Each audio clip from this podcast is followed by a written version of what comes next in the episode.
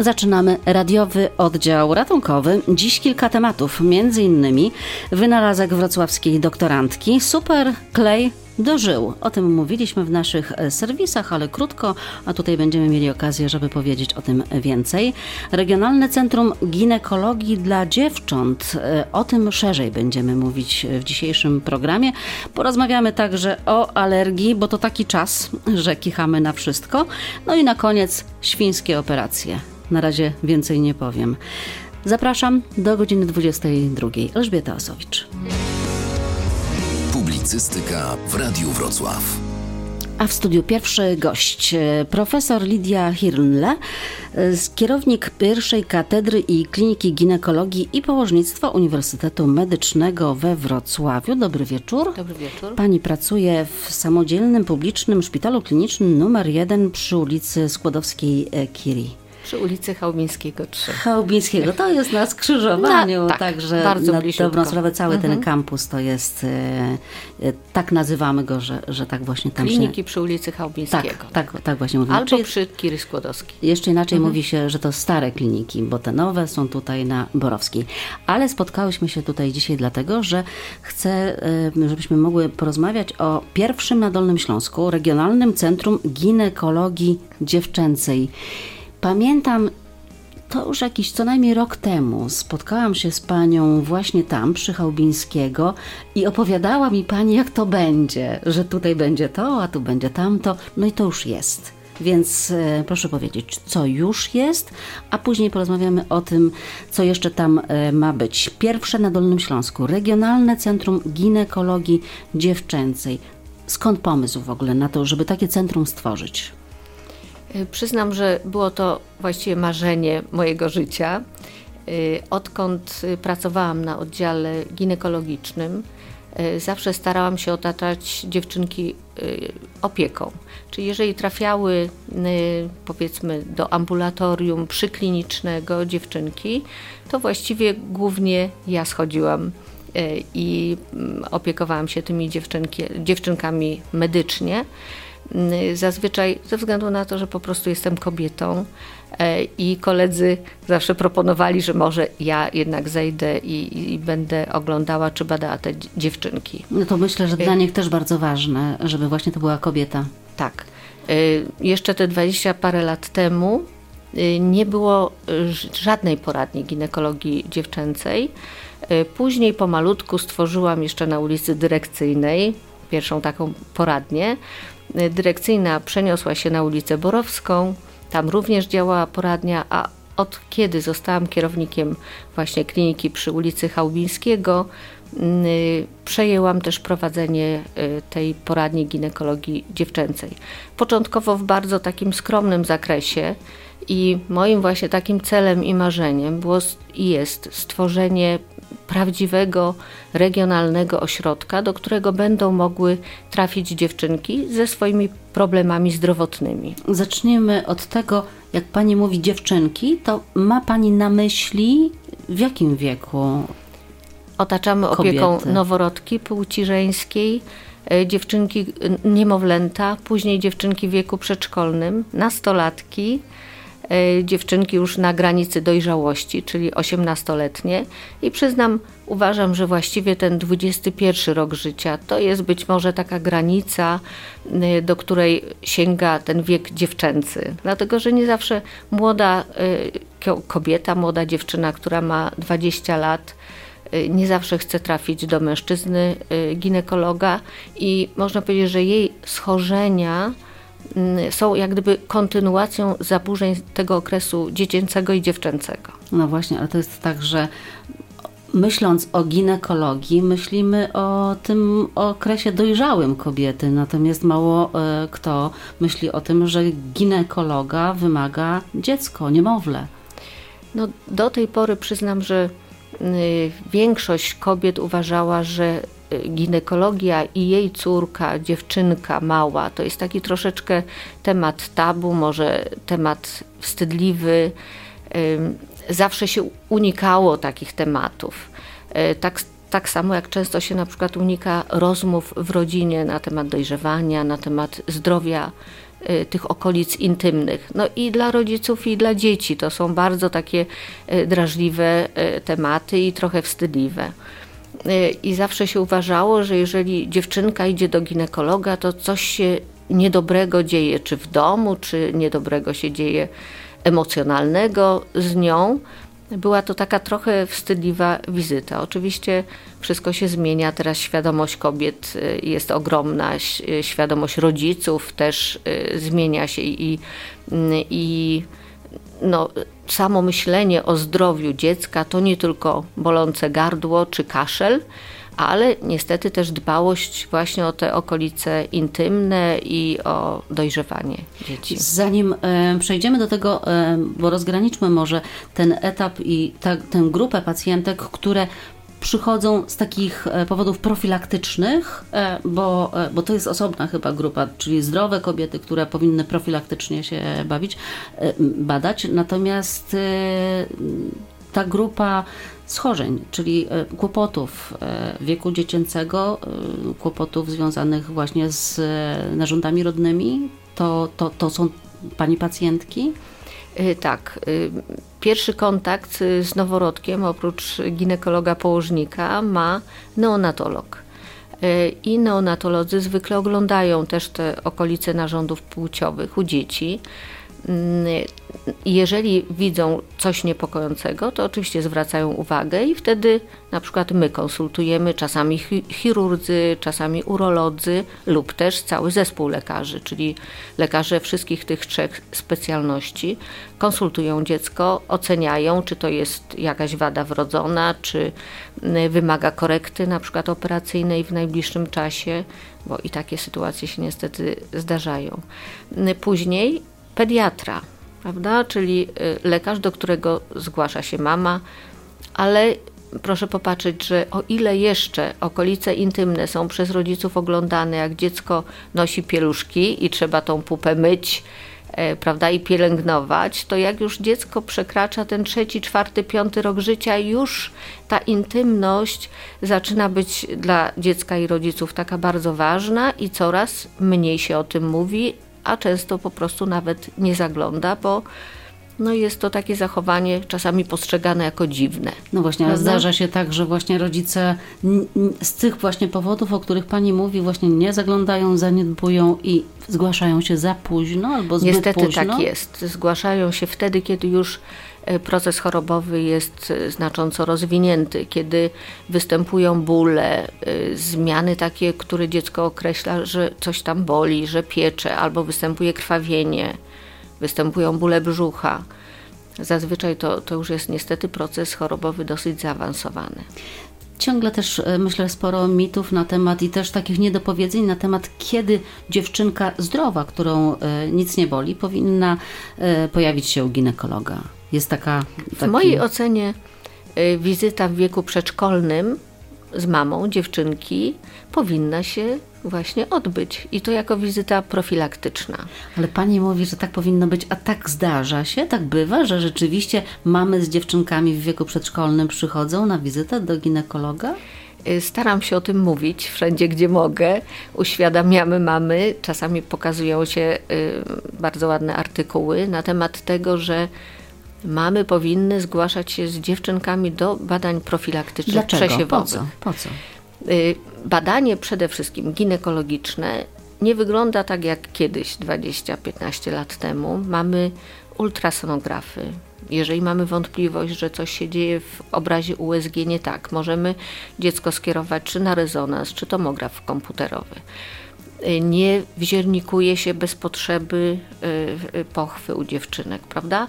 Jest to taka, można powiedzieć, bardziej patronażowa y, wizyta u, Nieinwazyjna. Nieinwazyjna. I... Oglądnięcie tej pupy, czy są tam jakieś zmiany, czy wszystko jest prawidłowo zbudowane, czy nie ma jakichś upławów niepokojących, czyli obejrzenie na zewnątrz, ale plus tego... USG przez brzuszek. Nie, nie robi się USG na przykład tak u dorosłych kobiet w tej ale chwili tego, dopochwowo. Ale tego powiedziała Pani bardzo ważną rzecz, bo mam wrażenie, że tego się nie ogląda po prostu. Jak już dziewczynka ma tam 10 lat, 12 to się nie ogląda. Niestety nie, nie ogląda się i dopiero jak coś bardzo boli i dokucza, wtedy dziewczynka ma odwagę mamie coś powiedzieć. Albo też y, jest, zdarza się, że jest zaskoczona, że nagle pojawia się krew. Tak, na przykład. To ciągle się zdarza. Zdarza się. Zdarzają się sklejenia na przykład warg sromowych. Y, Niedawno badałam dziewczynkę dwunastoletnią, y, która, właściwie to już trudno powiedzieć o sklejeniu, bo te wargi się zrosły, praktycznie już nie mogła oddawać moczu. Okazało się, że widziała to u siebie, ale wstydziła się powiedzieć mamie. Dopiero jak zaczęły mm, powtarzać się infekcje dróg moczowych, czyli cały czas były infekcje, mm, y, zresztą drogą wstępującą w kierunku nerek, no, zainteresowało to oczywiście lekarzy, urologów, którzy skierowali dziewczynkę do y, ginekologa. Ja mam wrażenie, że mamy jakoś strasznie dużo do zrobienia. Przypomniała mi się teraz taka książka, która niedawno ukazała się w Polsce, w polskim tłumaczeniu. Ona nie jest nowa. Ginekolodzy Torwalda. Czytała Pani pewnie. Tak. Troszkę mam, mam wrażenie, że ten XVII-wieczny e, pogląd e, i ogląd e, i, i traktowanie kobiet jakoś gdzieś się tutaj pojawił, że właśnie nie zaglądamy tam na dół. To, A, to, a to niestety jest też podstawa zdrowia. Cały świat w tej chwili walczy o profilaktykę, prawda? Już udowodniono, że jeżeli będziemy dbać o tą profilaktykę, nawet finansowe sprawy, mówię o, o całym społeczeństwie, prawda, i o kraju, będą zupełnie inaczej wyglądały. Leczenie zawsze Więcej się wydaje środków, jeżeli się już leczy chorobę. Jeżeli się ją odpowiednio wcześnie zdiagnozuje poprzez właśnie takie badania profilaktyczne, to zaoszczędzi się też właśnie te środki finansowe. To jest bardzo ważne. Można je przeznaczyć na zupełnie inne sprawy. Nie mówiąc o tym, że to jest ochrona zdrowia, prawda, dziewczynki czy kobiety. Dobrze, pierwsza wizyta profilaktyczna dziewczynki z w wieku przedszkolnym e, z mamą. Ale gdzie to można zrobić? To jest na NFZ? Tak, y, nasza poradnia działa absolutnie na NFZ. Y, Mamy mogą zgłaszać się i rejestrować dzieci bez skierowania. Zadbaliśmy o to, żeby te dziewczynki mogły przyjść wtedy, kiedy jest taka potrzeba. Dodatkowo też proponujemy i namawiamy mamy, żeby się zgłaszały ze swoimi córkami w okresie takim okołomiesiączkowym. Też jest bardzo trudno rozmawiać z dzieckiem na temat miesiączkowania, na temat dojrzewania, co się dzieje w, w emocjach, y, co się dzieje w hormonach, y, że y, dziecko się staje takie labilne, czasami bardzo nerwowe. Zaczyna się też interesować y, życiem intymnym. Y, I niestety, w momencie, kiedy jest z obu stron taka bariera, bo nie bardzo dziecko chce rozmawiać z rodzicami, a rodzicom jest troszeczkę niezręcznie. I tak najchętniej by ten temat odsunęli do Nibylandii, że właściwie jakoś dziecko samo się chyba zorientuje, dowie, przeczyta. W- Wydaje mi się, że moje pokolenie jeszcze było chronione, bo dużo czytało się, dużo się rozmawiało, nie było internetu. W tej chwili niestety dostępność do... Niestety, z jednej strony, no przecież to dobrze, bo można się łatwo dowiedzieć. Tak, ale mówię, że niestety dostępność do pewnych stron, y, które są odarte ze wszelkiego piękna i ciepła, a traktują tylko i wyłącznie czy o seksie, czy i, i to w różnych formach, czasami nawet brutalnych, y, pozbawione właśnie tej otoczki nawet naukowej, prawda? czyli prezentowanie, czy narządów płciowych, czy zachowania jakieś seksualne, różne dziwne. Dzieci do tego docierają i nawet jeżeli rodzice są na tyle sprytni, że poblokują u siebie w domu wejścia na pewne programy, y, to dziecko pójdzie do koleżanki, do kolegi. Ja mam wrażenie, że szkoły też jakoś tutaj e, niby jest to wychowanie w rodzinie, ale z takiego punktu widzenia e, fizjologii po prostu. E, może warto by było tym dzieciom e, opowiadać, jak to wygląda, jak to działa, jak to funkcjonuje po prostu, bo wszyscy to mamy. Wydaje mi się, że właśnie najlepszą osobą, najbardziej właściwą jest lekarz ginekolog. Y, Dlatego, że potrafi o tym mówić fachowo, mówi odważnie i nie jest rodzicem. Dla większości dzieci naprawdę rodzice są aseksualni. To każdy z nas wie. No, dla nas rodzice to po prostu rodzice. My Co w kapuście wiedzą? zostaliśmy znalezieni, prawda? Jest, Tak, tak, I tak. trudno na te tematy ciągle z rodzicami rozmawiać. Natomiast jeżeli rodzic przychodzi z dzieckiem, jest zupełnie y, inne odbieranie informacji, może jest bardziej wiarygodne. Może to, że mówi lekarz, osoba taka postronna, e, nie jest takie emocjonalne czy nerwowe. Dzieci mają odwagę pytać. E, I wydaje mi się, że, że właśnie taki kontakt. Nie, nie chodzi tutaj o szkołę czy, czy o osobę dochodzącą na lekcję, prawda? Tylko o kontakt z lekarzem, który o tym mówi fachowo, przekonująco i w sposób taki bardziej naturalny. Powiedzmy parę słów może jeszcze o mm, tym okresie miesiączkowania e, dziewcząt, bo e, też mam wrażenie, że pokutuje taki, nie wiem, mit czy e, przekonanie, że zdarzają się takie przypadki, że miesiączkowanie musi być bolesne i niewiele się z tym robi i przez całe miesiące czy lata dziewczęta cierpią bardzo, mhm. niekoniecznie od razu idą do lekarza. Musi boleć? No, niekoniecznie, niekoniecznie. Y, w sumie z bólem miesiączkowym y, skojarzone są dwa takie podstawowe zjawiska. Pierwotnie bolesne miesiączkowanie, czyli kiedy te miesiączki rzeczywiście są bolesne i trudno znaleźć taką ewidentnie przyczynę, ale niestety jest też i y, drugie zjawisko chorobowe. Przykładem jest endometrioza.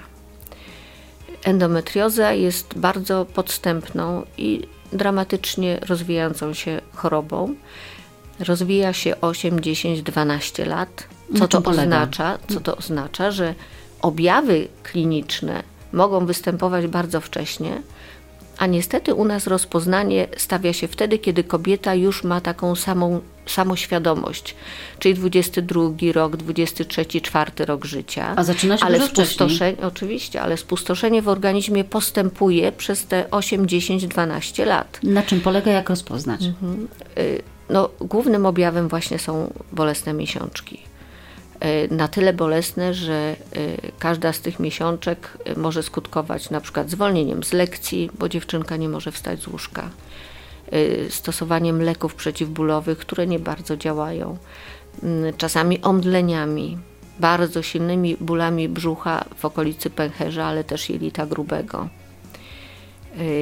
I właściwie nie można, nie, nie, można, można, nie można lekceważyć właśnie tych bolesnych miesiączek. One nawet dla lekarza są trudne w diagnostyce, szczególnie właśnie te początkowe momenty. I mam wrażenie, że też y, niektórzy lekarze tak mówią, a to wiadomo, tak. musi boleć. Kobieta, dziewczynka dojrzeje, urodzi dziecko, przestanie boleć. Urodzi dziecko, przestanie boleć. Ja pamiętam, słyszałam tak, takie ale najgorzej, jeżeli właśnie ma tą endometriozę i, i szanse na to dziecko maleją z roku na rok, dlatego że proces chorobowy niszczy, potrafi zniszczyć jajowody, potrafi zniszczyć narządy w obrębie miednicy mniejszej. Robi się ciężkie, naprawdę czasami bardzo technicznie trudne operacje, żeby te ogniska usunąć. Innym przykładem też bolesnego miesiączkowania, które może doprowadzić naprawdę do takich y, potężnych chorobowych zmian, są wady narządu rodnego. Czyli na przykład zdwojenia narządu rodnego albo niedrożność właśnie podwójnej macicy, czyli że jedna z tych macic jest na przykład niedrożna y, i krwawienie występuje do jamy macicy, ponieważ ujścia nie ma, bo brak drożności czy wydzielania się na zewnątrz z jednej macicy, czy jedna krwawi i wydaje się, że miesiączka jest, wszystko dobrze.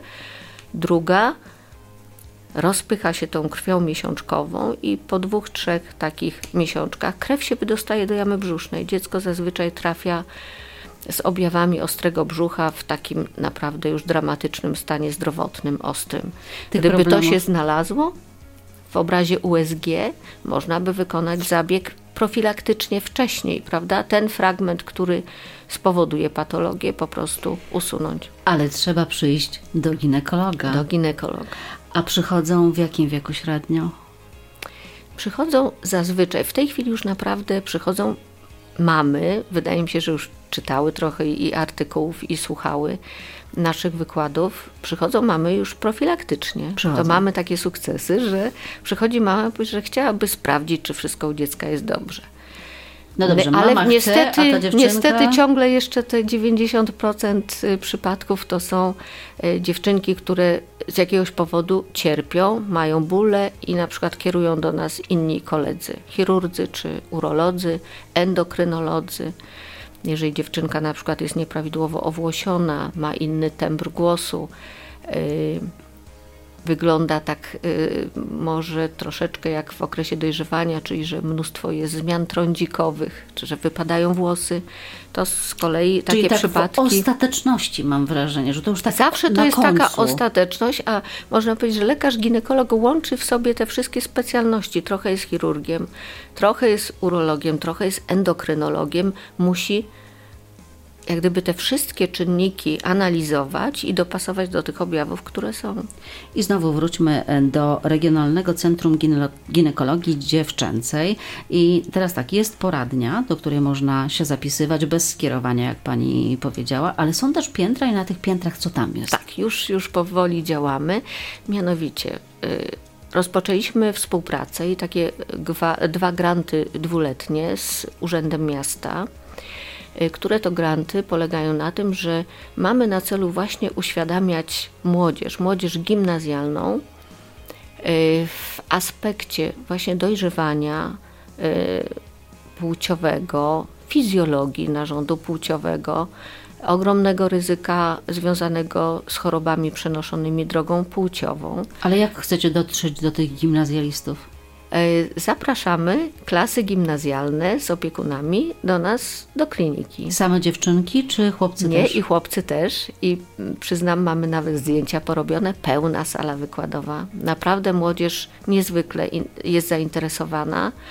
Przychodzą do nas i wydaje mi się, że to był najbardziej trafiony pomysł, że nie do szkół.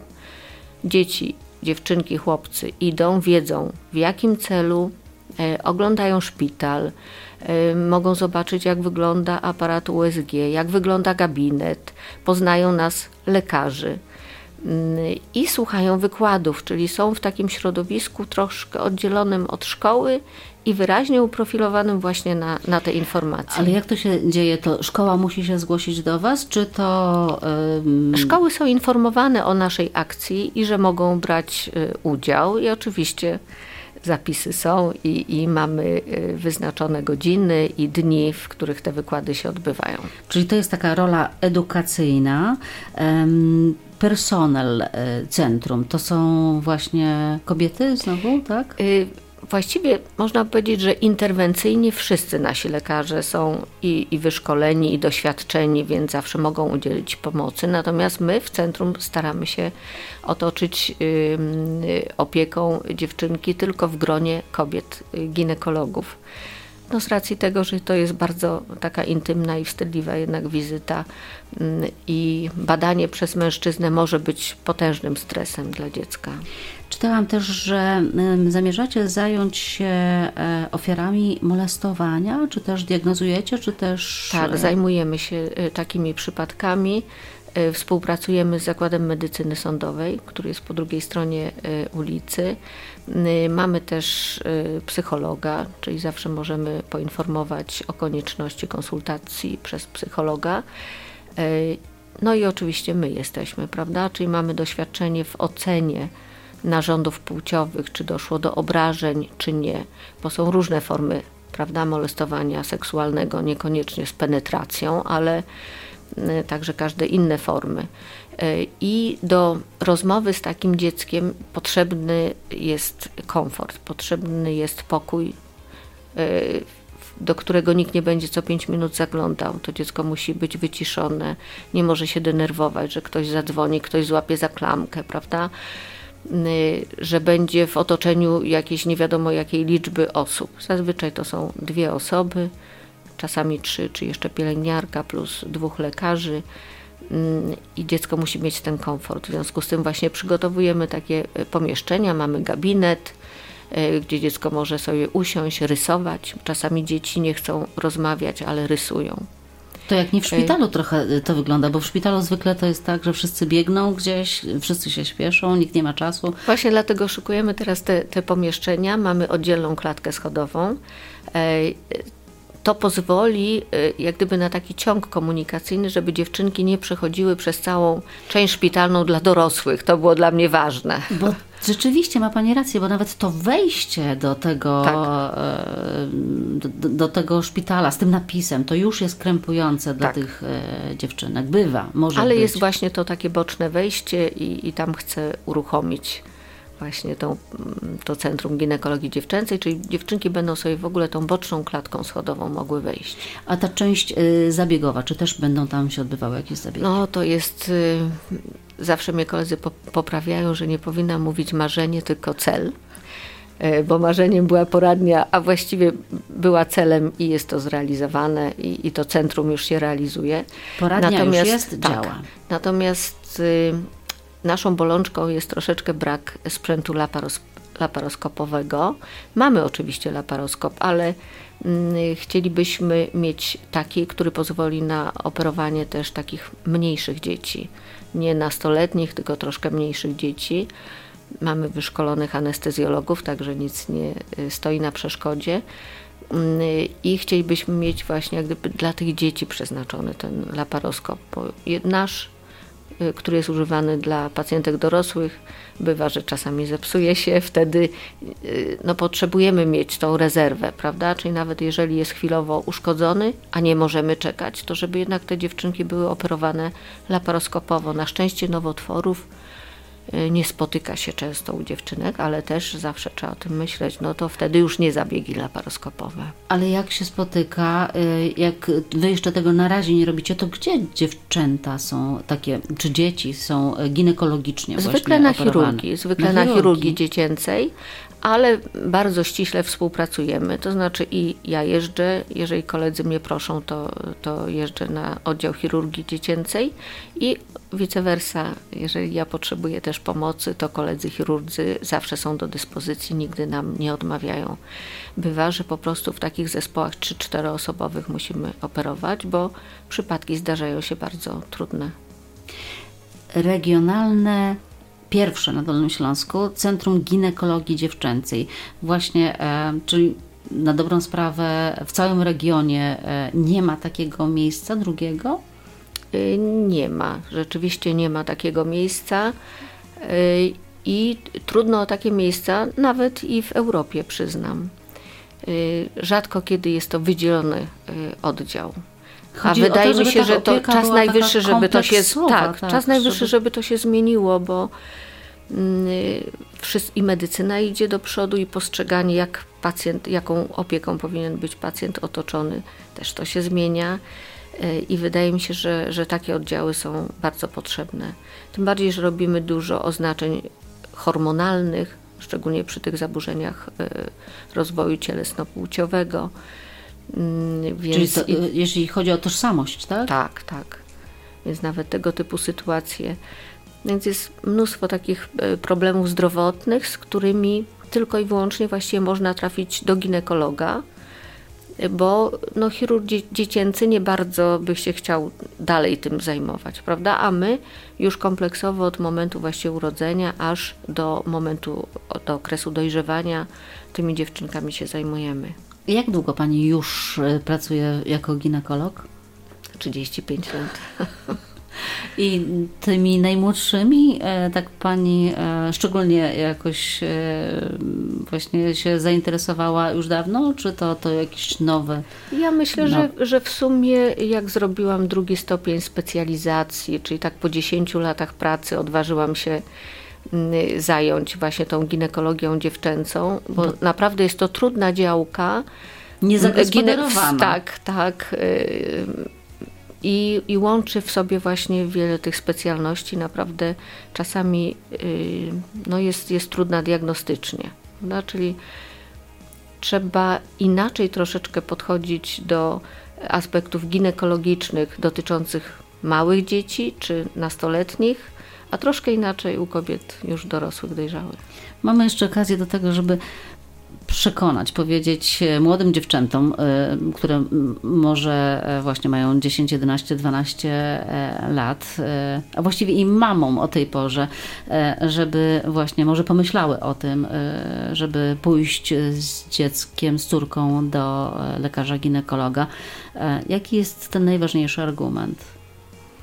Wydaje mi się, że ma, zdrowa mała dziewczynka to będzie kiedyś piękna, zdrowa mama prawda? I, I na tym nam najbardziej zależy, czyli żeby te y, młode dziewczyny mogły zajść w ciążę, żeby mogły funkcjonować, żeby były zdrowe. y, żeby były ładne. Ładne to, to jest i jakość włosów, cery, y, to jest sylwetka ciała. Y, wszystkie niestety te zmiany chorobowe rozwijają się w wieku dziecięcym i później w przypadku dziewczynek dziewczęcym.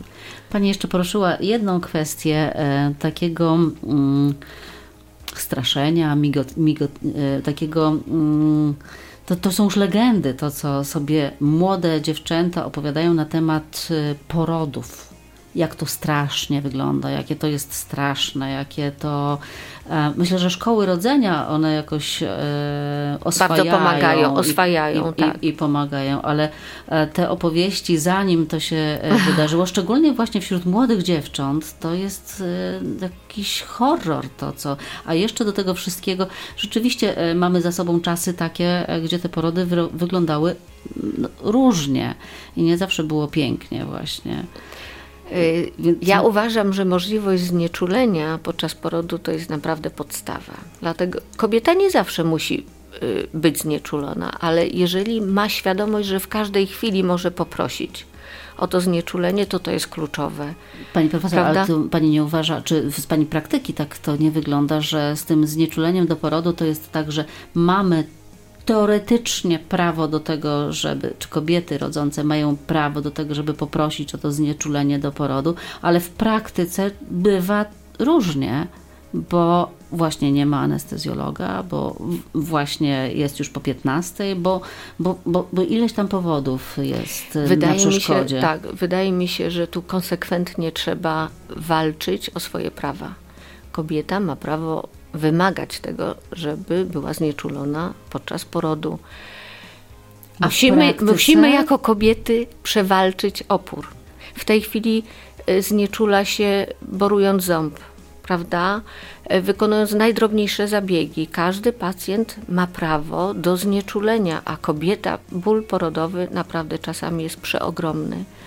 Kobieta ma prawo, to jest XXI wiek, kobieta ma prawo walczyć o to znieczulenie i, i upominać się o nie. Pani profesor, znowu niestety przypomniała mi się książka Torwalda, ginekolodzy.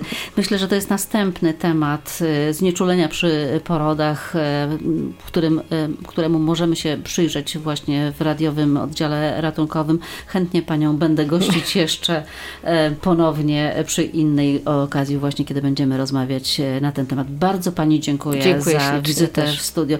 Naszym gościem, przypomnę, była Pani profesor Lidia Hirnle o bardzo trudnym, pięknym nazwisku, e, kierownik pierwszej e, katedry Kliniki Ginekologii i Położnictwa Uniwersytetu Medycznego we Wrocławiu.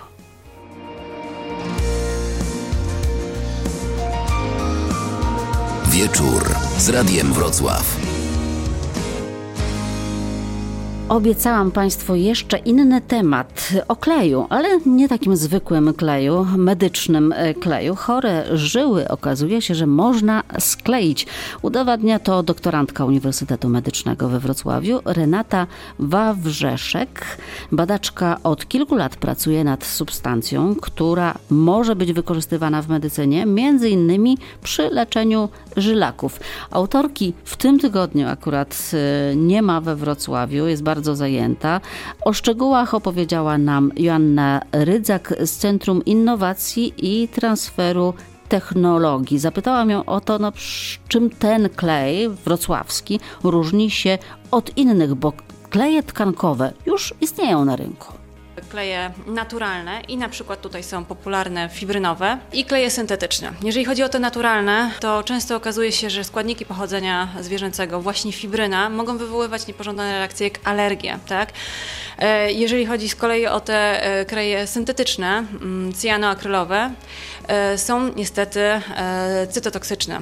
Wywołują podrażnienia. Nawet niektóre publikacje wskazują na to, że mogą być onkogenne.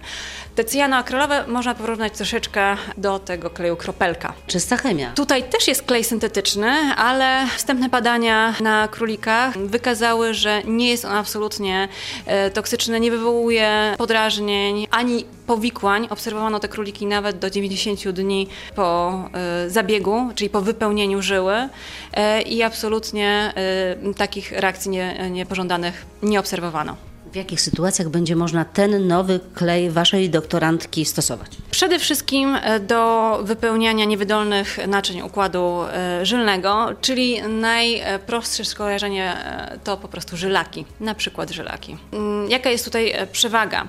Znane, zwłaszcza te, te kleje syntetyczne, mm, polimeryzują, czyli zastygają bardzo gwałtownie.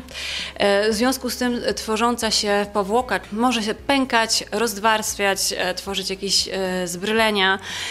Tutaj ten klej jest wysoce elastyczny, chociaż bardzo wytrzymały i wypełniona nim struktura odkształca się zgodnie z tym, jakby zachowała się naturalnie w ciele e, człowieka. Jak długo trwają badania i jakie są kolejne etapy? Badania trwają już powiedziałabym kilka lat, najintensywniejsze kilka miesięcy, ale tak naprawdę najwięcej jeszcze e, badań e, przed nami. To były wstępne badania tutaj na zwierzętach. E, wiadomo, że kolejnym krokiem muszą być już badania na ludziach, czyli próby kliniczne. Do kolejnych kroków tak naprawdę będziemy potrzebować znacznie większych funduszy, dlatego zapraszamy zainteresowanych e, inwestorów. Teraz pokażecie go publicznie na targach? Zamierzamy pokazać go na targach Bioforum e, w Łodzi. Targi odbędą się e, w maju.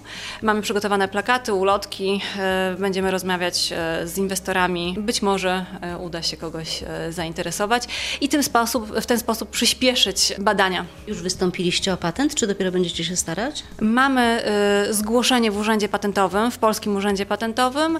Wstępne odpowiedzi y, są pozytywne, y, jakkolwiek trzeba tutaj wyraźnie zaznaczyć, że proces związany ze zgłoszeniem y, własności intelektualnej jest długi i tutaj ostateczna odpowiedź może się pojawić nawet za kilka miesięcy lub lat. W tym przypadku raczej bym spodziewała się, że kilka miesięcy.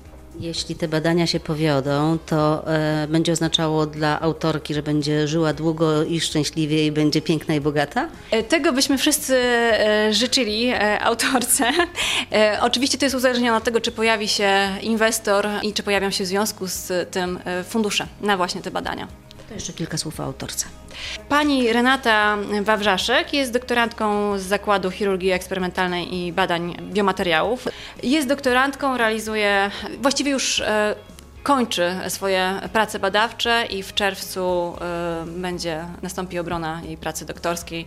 Bardziej spektakularna niż standardowe obrony, bo tutaj będzie już mogła pochwalić się y, zgłoszeniem patentowym i mamy nadzieję, że wkrótce też e, współpracą z jakimś inwestorem. A czym jeszcze Uniwersytet Medyczny mógłby się pochwalić, jeśli chodzi o patenty? W tej chwili e, mamy e, kilka interesujących technologii, innowacji, które zostały ostatnio zgłoszone do Urzędu Patentowego, nie tylko polskiego, ale również europejskiego. Mogę tutaj króciutko wymienić ekstrakt z derenia właściwego, który ma obniżać poziom trójglicerydów we krwi, czyli e, potencjalne zastosowania jako taki nowy suplement e, diety dla osób, które właśnie e, walczą z tym podwyższonym poziomem lipidów.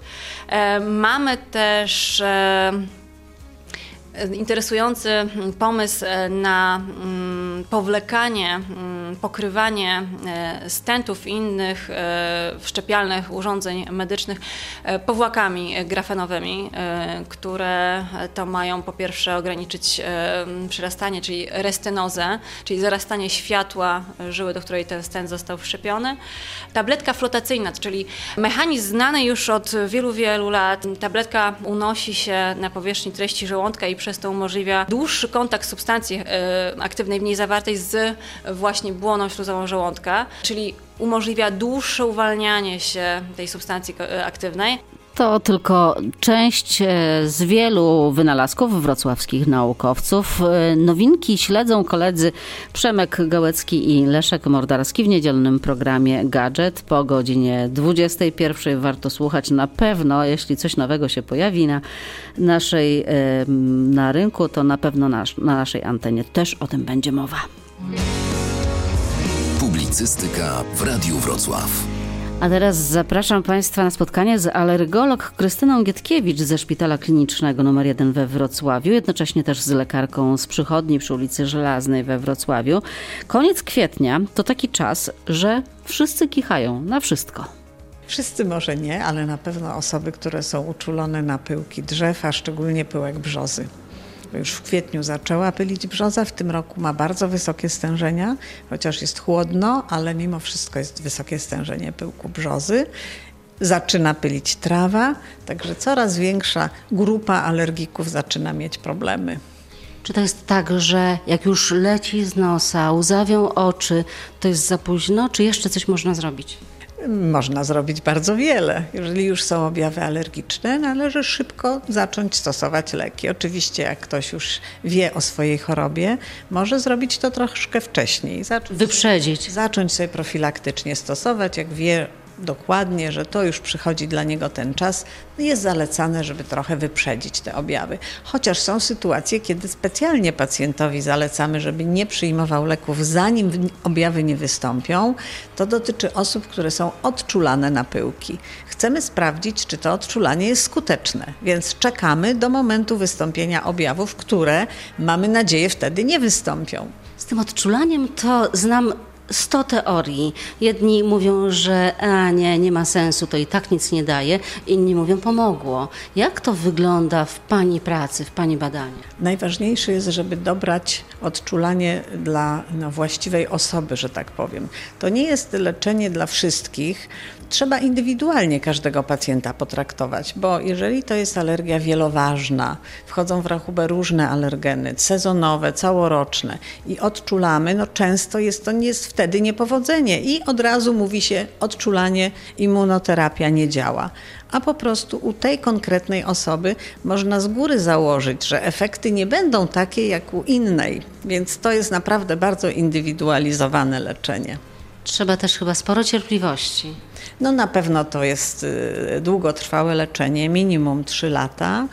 I na pewno zawsze warto podjąć taką próbę, bo wiemy, że zapobiega to jednak rozwojowi astmy. No, statystycznie, pewnie, że w pojedynczej sytuacji może się zdarzyć, że ta astma się no, niestety mimo wszelkich naszych wysiłków rozwinie, ale jeżeli zrobimy, podejmiemy się tej immunoterapii, przynajmniej mamy świadomość, że zrobiliśmy wszystko, co dzisiaj, według dzisiejszej wiedzy, możemy zrobić, żeby zapobiec wystąpieniu, postępowi tej choroby alergicznej. Czyli nieleczona alergia to astma? Nieleczony alergiczny nieżyt nosa to astma, no bo alergia to jest szerokie pojęcie, różne postaci są alergii, ale na pewno nieleczony nieżyt nosa może prowadzić do astmy naprawdę częściej pojawia się astma jako następstwo nieleczonego nieżytu nosa. I co wtedy? To już jest poważniejsza sprawa. To jest leczenie oczywiście astmy. No to już chorują dolne drogi oddechowe, już są objawy bardziej mm, no, przykre, są duszności. No to jest też choroba, nie demonizujmy, z którą można oczywiście żyć. I mamy teraz takie dobre leki, że każda osoba, no nie każda osoba z astmą może żyć często jak osoba zdrowa, odpowiednio stosując leki. No niemniej jednak to już jest choroba przewlekła no i, i, no troszkę trudniejsza niż Powiedziałabym zwykły katar. Co wolno, czego nie wolno astmatykowi? No, astmatyk musi, no nie może palić papierosów. To jest pierwsza zasada. Ma regularnie brać leki pod kontrolą lekarza. Są sytuacje, że astma jest oczywiście o ciężkim przebiegu, ale są sytuacje, że astma jest łagodna i sobie sami pacjenci odstawiają leki takie, które powinni brać profilaktycznie. Także bardzo się pilnować tego, konsultować z lekarzem. Głośno ostatnio zrobiło się na temat wstrząsów anafilaktycznych. Było kilka takich spektakularnych wypadków. Pojawiły się pytania, czy każdy, kto ewentualnie obawia się tego, powinien mieć z sobą jakiś taki specjalny preparat, który uratuje mu życie w nagłym wypadku? No, bałabym się takich wniosków wyciągać, żeby każda osoba zdrowa przecież wtedy, no zdrowa osoba będzie miała profilaktycznie przy sobie adrenalinę. Ależ tutaj jeżdżą karetki koło pani. Szpital w końcu. Tak, tak. Należałoby, no, no nie, nie, nie, nie możemy iść aż tak daleko, no bo teoretycznie każdy z nas w każdej chwili może doznać reakcji alergicznej. Czyli co? Wszyscy będziemy nosić przy sobie adrenalinę? No nie możemy, nie możemy tak żyć w poczuciu takiego zagrożenia. Ale kto powinien? Natomiast osoba, u której rzeczywiście wystąpiła już przeszłości jakaś reakcja, niekoniecznie zagrażająca życiu, ale mogąca potencjalnie się rozwinąć, to te osoby na pewno powinny być zaopatrzone w takie leki doraźne, między innymi w adrenalinę. Kiedy może nastąpić taki wstrząs?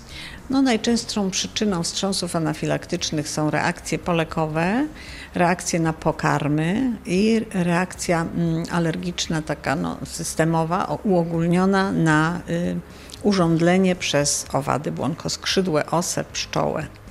Ale to umiemy leczyć. Immunoterapia w przypadku alergii na jady owadów działa bardzo dobrze, jest naprawdę skuteczna. Jeśli coś takiego się zdarzy, to co, natychmiast pogotowie? Oczywiście, jeżeli wystąpi reakcja, no zaczyna się coś dziać, jeżeli to jest pierwszy raz, no to jeszcze nie wiemy, co się wydarzy, ale jak coś niepokojącego, wiadomo, wołamy pogotowie, no pierwsza pomoc, no to już jest postępowanie doraźne. Natomiast po takim incydencie, jak już się wydarzy po raz pierwszy, na pewno konieczna jest już konsultacja z alergologiem i wtedy ustalenie przyczyny, no i dalsze leczenie i postępowanie takie właśnie profilaktyczne typu noszenie leku, unikanie alergenu, te wszystkie informacje muszą być przekazane alergików przybywa, to znaczy, że specjaliści przegrywają walkę z tą chorobą? Może przegrywamy jako ludzie walkę z, no, są różne teorie na temat tego, dlaczego alergii jest tak dużo. Dlaczego? Jedną z teorii jest to, że jednak e, zanieczyszczenie środowiska ma bardzo duży wpływ na rozwój alergii. Te alergeny lepiej penetrują. Poza tym jest dużo więcej, no tak można powiedzieć w cudzysłowie, chemii w naszym życiu, nawet w życiu codziennym, nawet środki czystości, czasem niepotrzebnie aż tyle stosowanych bardzo agresywnych środków, które w warunkach domowych, gdzie to w końcu nie jest sala operacyjna, niekoniecznie muszą być stosowane. Żywność. Na pewno żywność, na pewno konserwanty, na pewno dodatki, różne barwniki, dodatki smakowe. Żywność jest przywożona z daleka w różnych warunkach. W niej zachodzą też procesy, no takie normalne, które zachodzą w przechowywanej żywności. Stąd różne nieoczekiwane reakcje. Poza tym jemy rzeczy, których na przykład nigdy nie jadaliśmy. I to też czasem dla organizmu jest to oczywiście, no jak się nie zetknął jeszcze z alergenem, to teoretycznie nie zareaguje reakcją alergiczną. Ale no zdarza się, że się styka nieświadomie. Na przykład alergię na antybiotyki. Ktoś nie brał nigdy tego antybiotyku, ale już zdążył się z nim spotkać w mleku, w mięsie.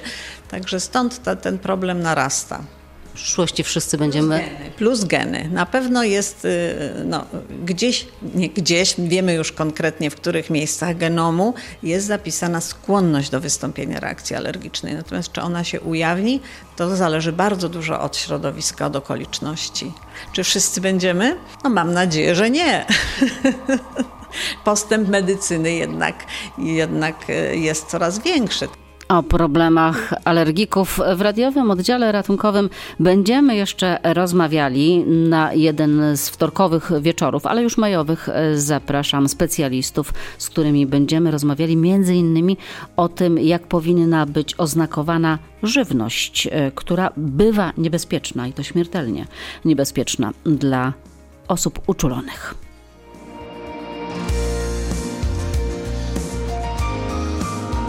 Wieczór z Radiem Wrocław. I na koniec jeszcze o świńskich operacjach we Wrocławiu.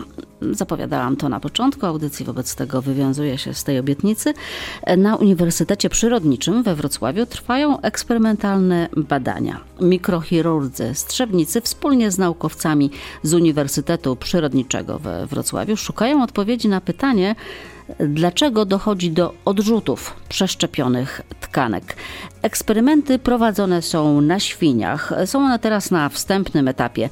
Zanim lekarze przeprowadzą operację, trzeba przebadać wiele próbek krwi i tkanek. No i okazało się, że już w pierwszej fazie problemem było podanie świniom leków, bo jak mówi profesor Urszula Pasławska, te zwierzęta mają świetny nos i nie chcą zjeść niczego, co im nie smakuje. Testowaliśmy najróżniejsze metody podawania, także przeszliśmy etap ptysiów waniliowych, przeszliśmy etap y, serka topionego, pasztecika otaczanego w chrupkach Świnie generalnie są podobne do małych dzieci, to znaczy one bardzo chętnie e, testują coś nowego, natomiast e, e, szybko im się nudzi. Okazało się, że najlepiej się tabletki podaje jednak w ptyśkach waniliowych i ptasim mleczku czekoladowym. I to jest w tej chwili metoda, którą nam się udaje namówić pacjentów świńskich do przyjmowania tabletek. Można byłoby otworzyć paszczę, wrzucić tam. Nie, nie, nie. Świnka nie współpracuje. Po pierwsze, e, świnki wypluwają takie lekarstwo. My chcemy, żeby one je połknęły, bo większość leków ma smak nie, niedobry, gorzki i tak dalej. Ludzie wiedzą o tym, dlatego połykają tabletkę w całości. Natomiast, żeby świnka połknęła e, tabletkę w całości, to my je musimy zachęcić właśnie takim smakołykiem, żeby ona łapczywie czekała na następny kawałek i po prostu połknęła szybciutko to ptasie mleczko razem z tabletką, bo jeżeli ona to rozgryzie, to ona już potem ten zapach pamięta, a świnie mają tak doskonały węch, że one już później drugi raz y, tego nie połkną przed naukowcami wielkie wyzwania, natomiast problemy, jak widać e, już na początkowym etapie, przygotowania trwają od kilku miesięcy, jednak data pierwszego przeszczepu nie została jeszcze wyznaczona. W badaniach biorą udział lekarze strzebnicy, bo jak wiemy wszyscy, właśnie tamtejsi medycy mają największe doświadczenie w replantacji kończyn. Naukowcy chcą wykorzystać w przyszłości badania oczywiście do leczenia ludzi narażonych na utratę przeszczepionej E, kończyny. Urszula Pasławska i profesor Anna Chełmońska-Sojta z Uniwersytetu Przyrodniczego próbują wytłumaczyć tak e, w miarę przystępnie, na czym te badania polegają. Przydaliśmy się przez literaturę, zostały nawiązane kontakty międzynarodowe, zaplanowaliśmy sobie to doświadczenie i teraz krok po kroku je będziemy realizować. Czyli pierwszy etap został zrobiony, czyli w ogóle nasi chirurdzy zrobili to wstępne badanie, że zorientowali się, jak to anatomicznie wygląda. Okazało się, że jest jednak duża różnorodność tych naczyń. Nie będzie to aż tak proste, jak, jak myśmy sobie początkowo myśleli. Okazało się też, że trzeba troszkę dopracować te techniki laboratoryjne i w tej chwili właśnie dopracowujemy te barwienia tak, żeby, tak, żeby te wyniki wyszły nam jak najbardziej wiarygodne. No i potem będzie następny krok, y, czyli po prostu spróbujemy y, zrobić ten pierwszy przeszczep i spróbować, czy rzeczywiście nam to funkcjonuje tak, jak, y, tak jak my chcemy. Czy jesteśmy w stanie to prawidłowo zbadać. Czyli rozumiem tak, że mikrochirurdzy pobiorą ten płat skórno-mięśniowy, przeszczepią go najpierw tej samej świni, od której pobrali? No, będziemy badać y, odpowiedź komórek układu odpornościowego na obecność y, przeszczepu, samego zabiegu chirurgicznego, podawania leków immunosupresyjnych. I w jaki sposób w trakcie tego zabiegu, niezależnie od y, jakby jego losów, zachowują się komórki układu odpornościowego? To jest pytanie, na które sobie chcemy zadać. W warunkach immunosupresji, którym te zwierzęta są poddawane, tak jak w każdym innym przeszczepie, komórki układu odpornościowego nawet po y, nieskomplikowanym zabiegu y, chirurgicznym mogą zachowywać się inaczej i my chcemy zobaczyć, jak one się zachowują w takich warunkach. Tak, w stosunku do zwierząt, które nie są w ogóle poddawane żadnym zabiegom, a tutaj już wiemy, jak one się mają zachowywać. Ta całość obrazu tej reakcji odpor układu odpornościowego pozwoli nam na ewentualne w przyszłości przewidywanie y, losów takiego przeszczepu u ludzi. Cała nasza praca koncentruje się na tym, żebyśmy mm, byli w stanie wytypować tych e, chorych, u których może dojść do tego późnego odrzutu i zrozumieć e, ten mechanizm, który powoduje tego typu reakcje. I to będzie otwierało nam później może nadzieję na to, że będziemy w stanie przeciwdziałać takiemu zjawisku. Natomiast to jest jeszcze oczywiście daleka droga do tego. Najpierw musimy zbadać, zrozumieć, co się dzieje, że, że taka reakcja zachodzi. Żeby jeszcze uspokoić obrońców praw y, zwierząt, naukowcy obiecują, że będą wykorzystywali świnie tylko w takich wypadkach i tyle razy, ile to niezbędnie, koniecznie, konieczne. Najmocniej dziękuję za uwagę. Dziś radiowy oddział ratunkowy co wtorek po godzinie 21. Elżbieta Osowicz, dziękuję najmocniej za uwagę. Do usłyszenia.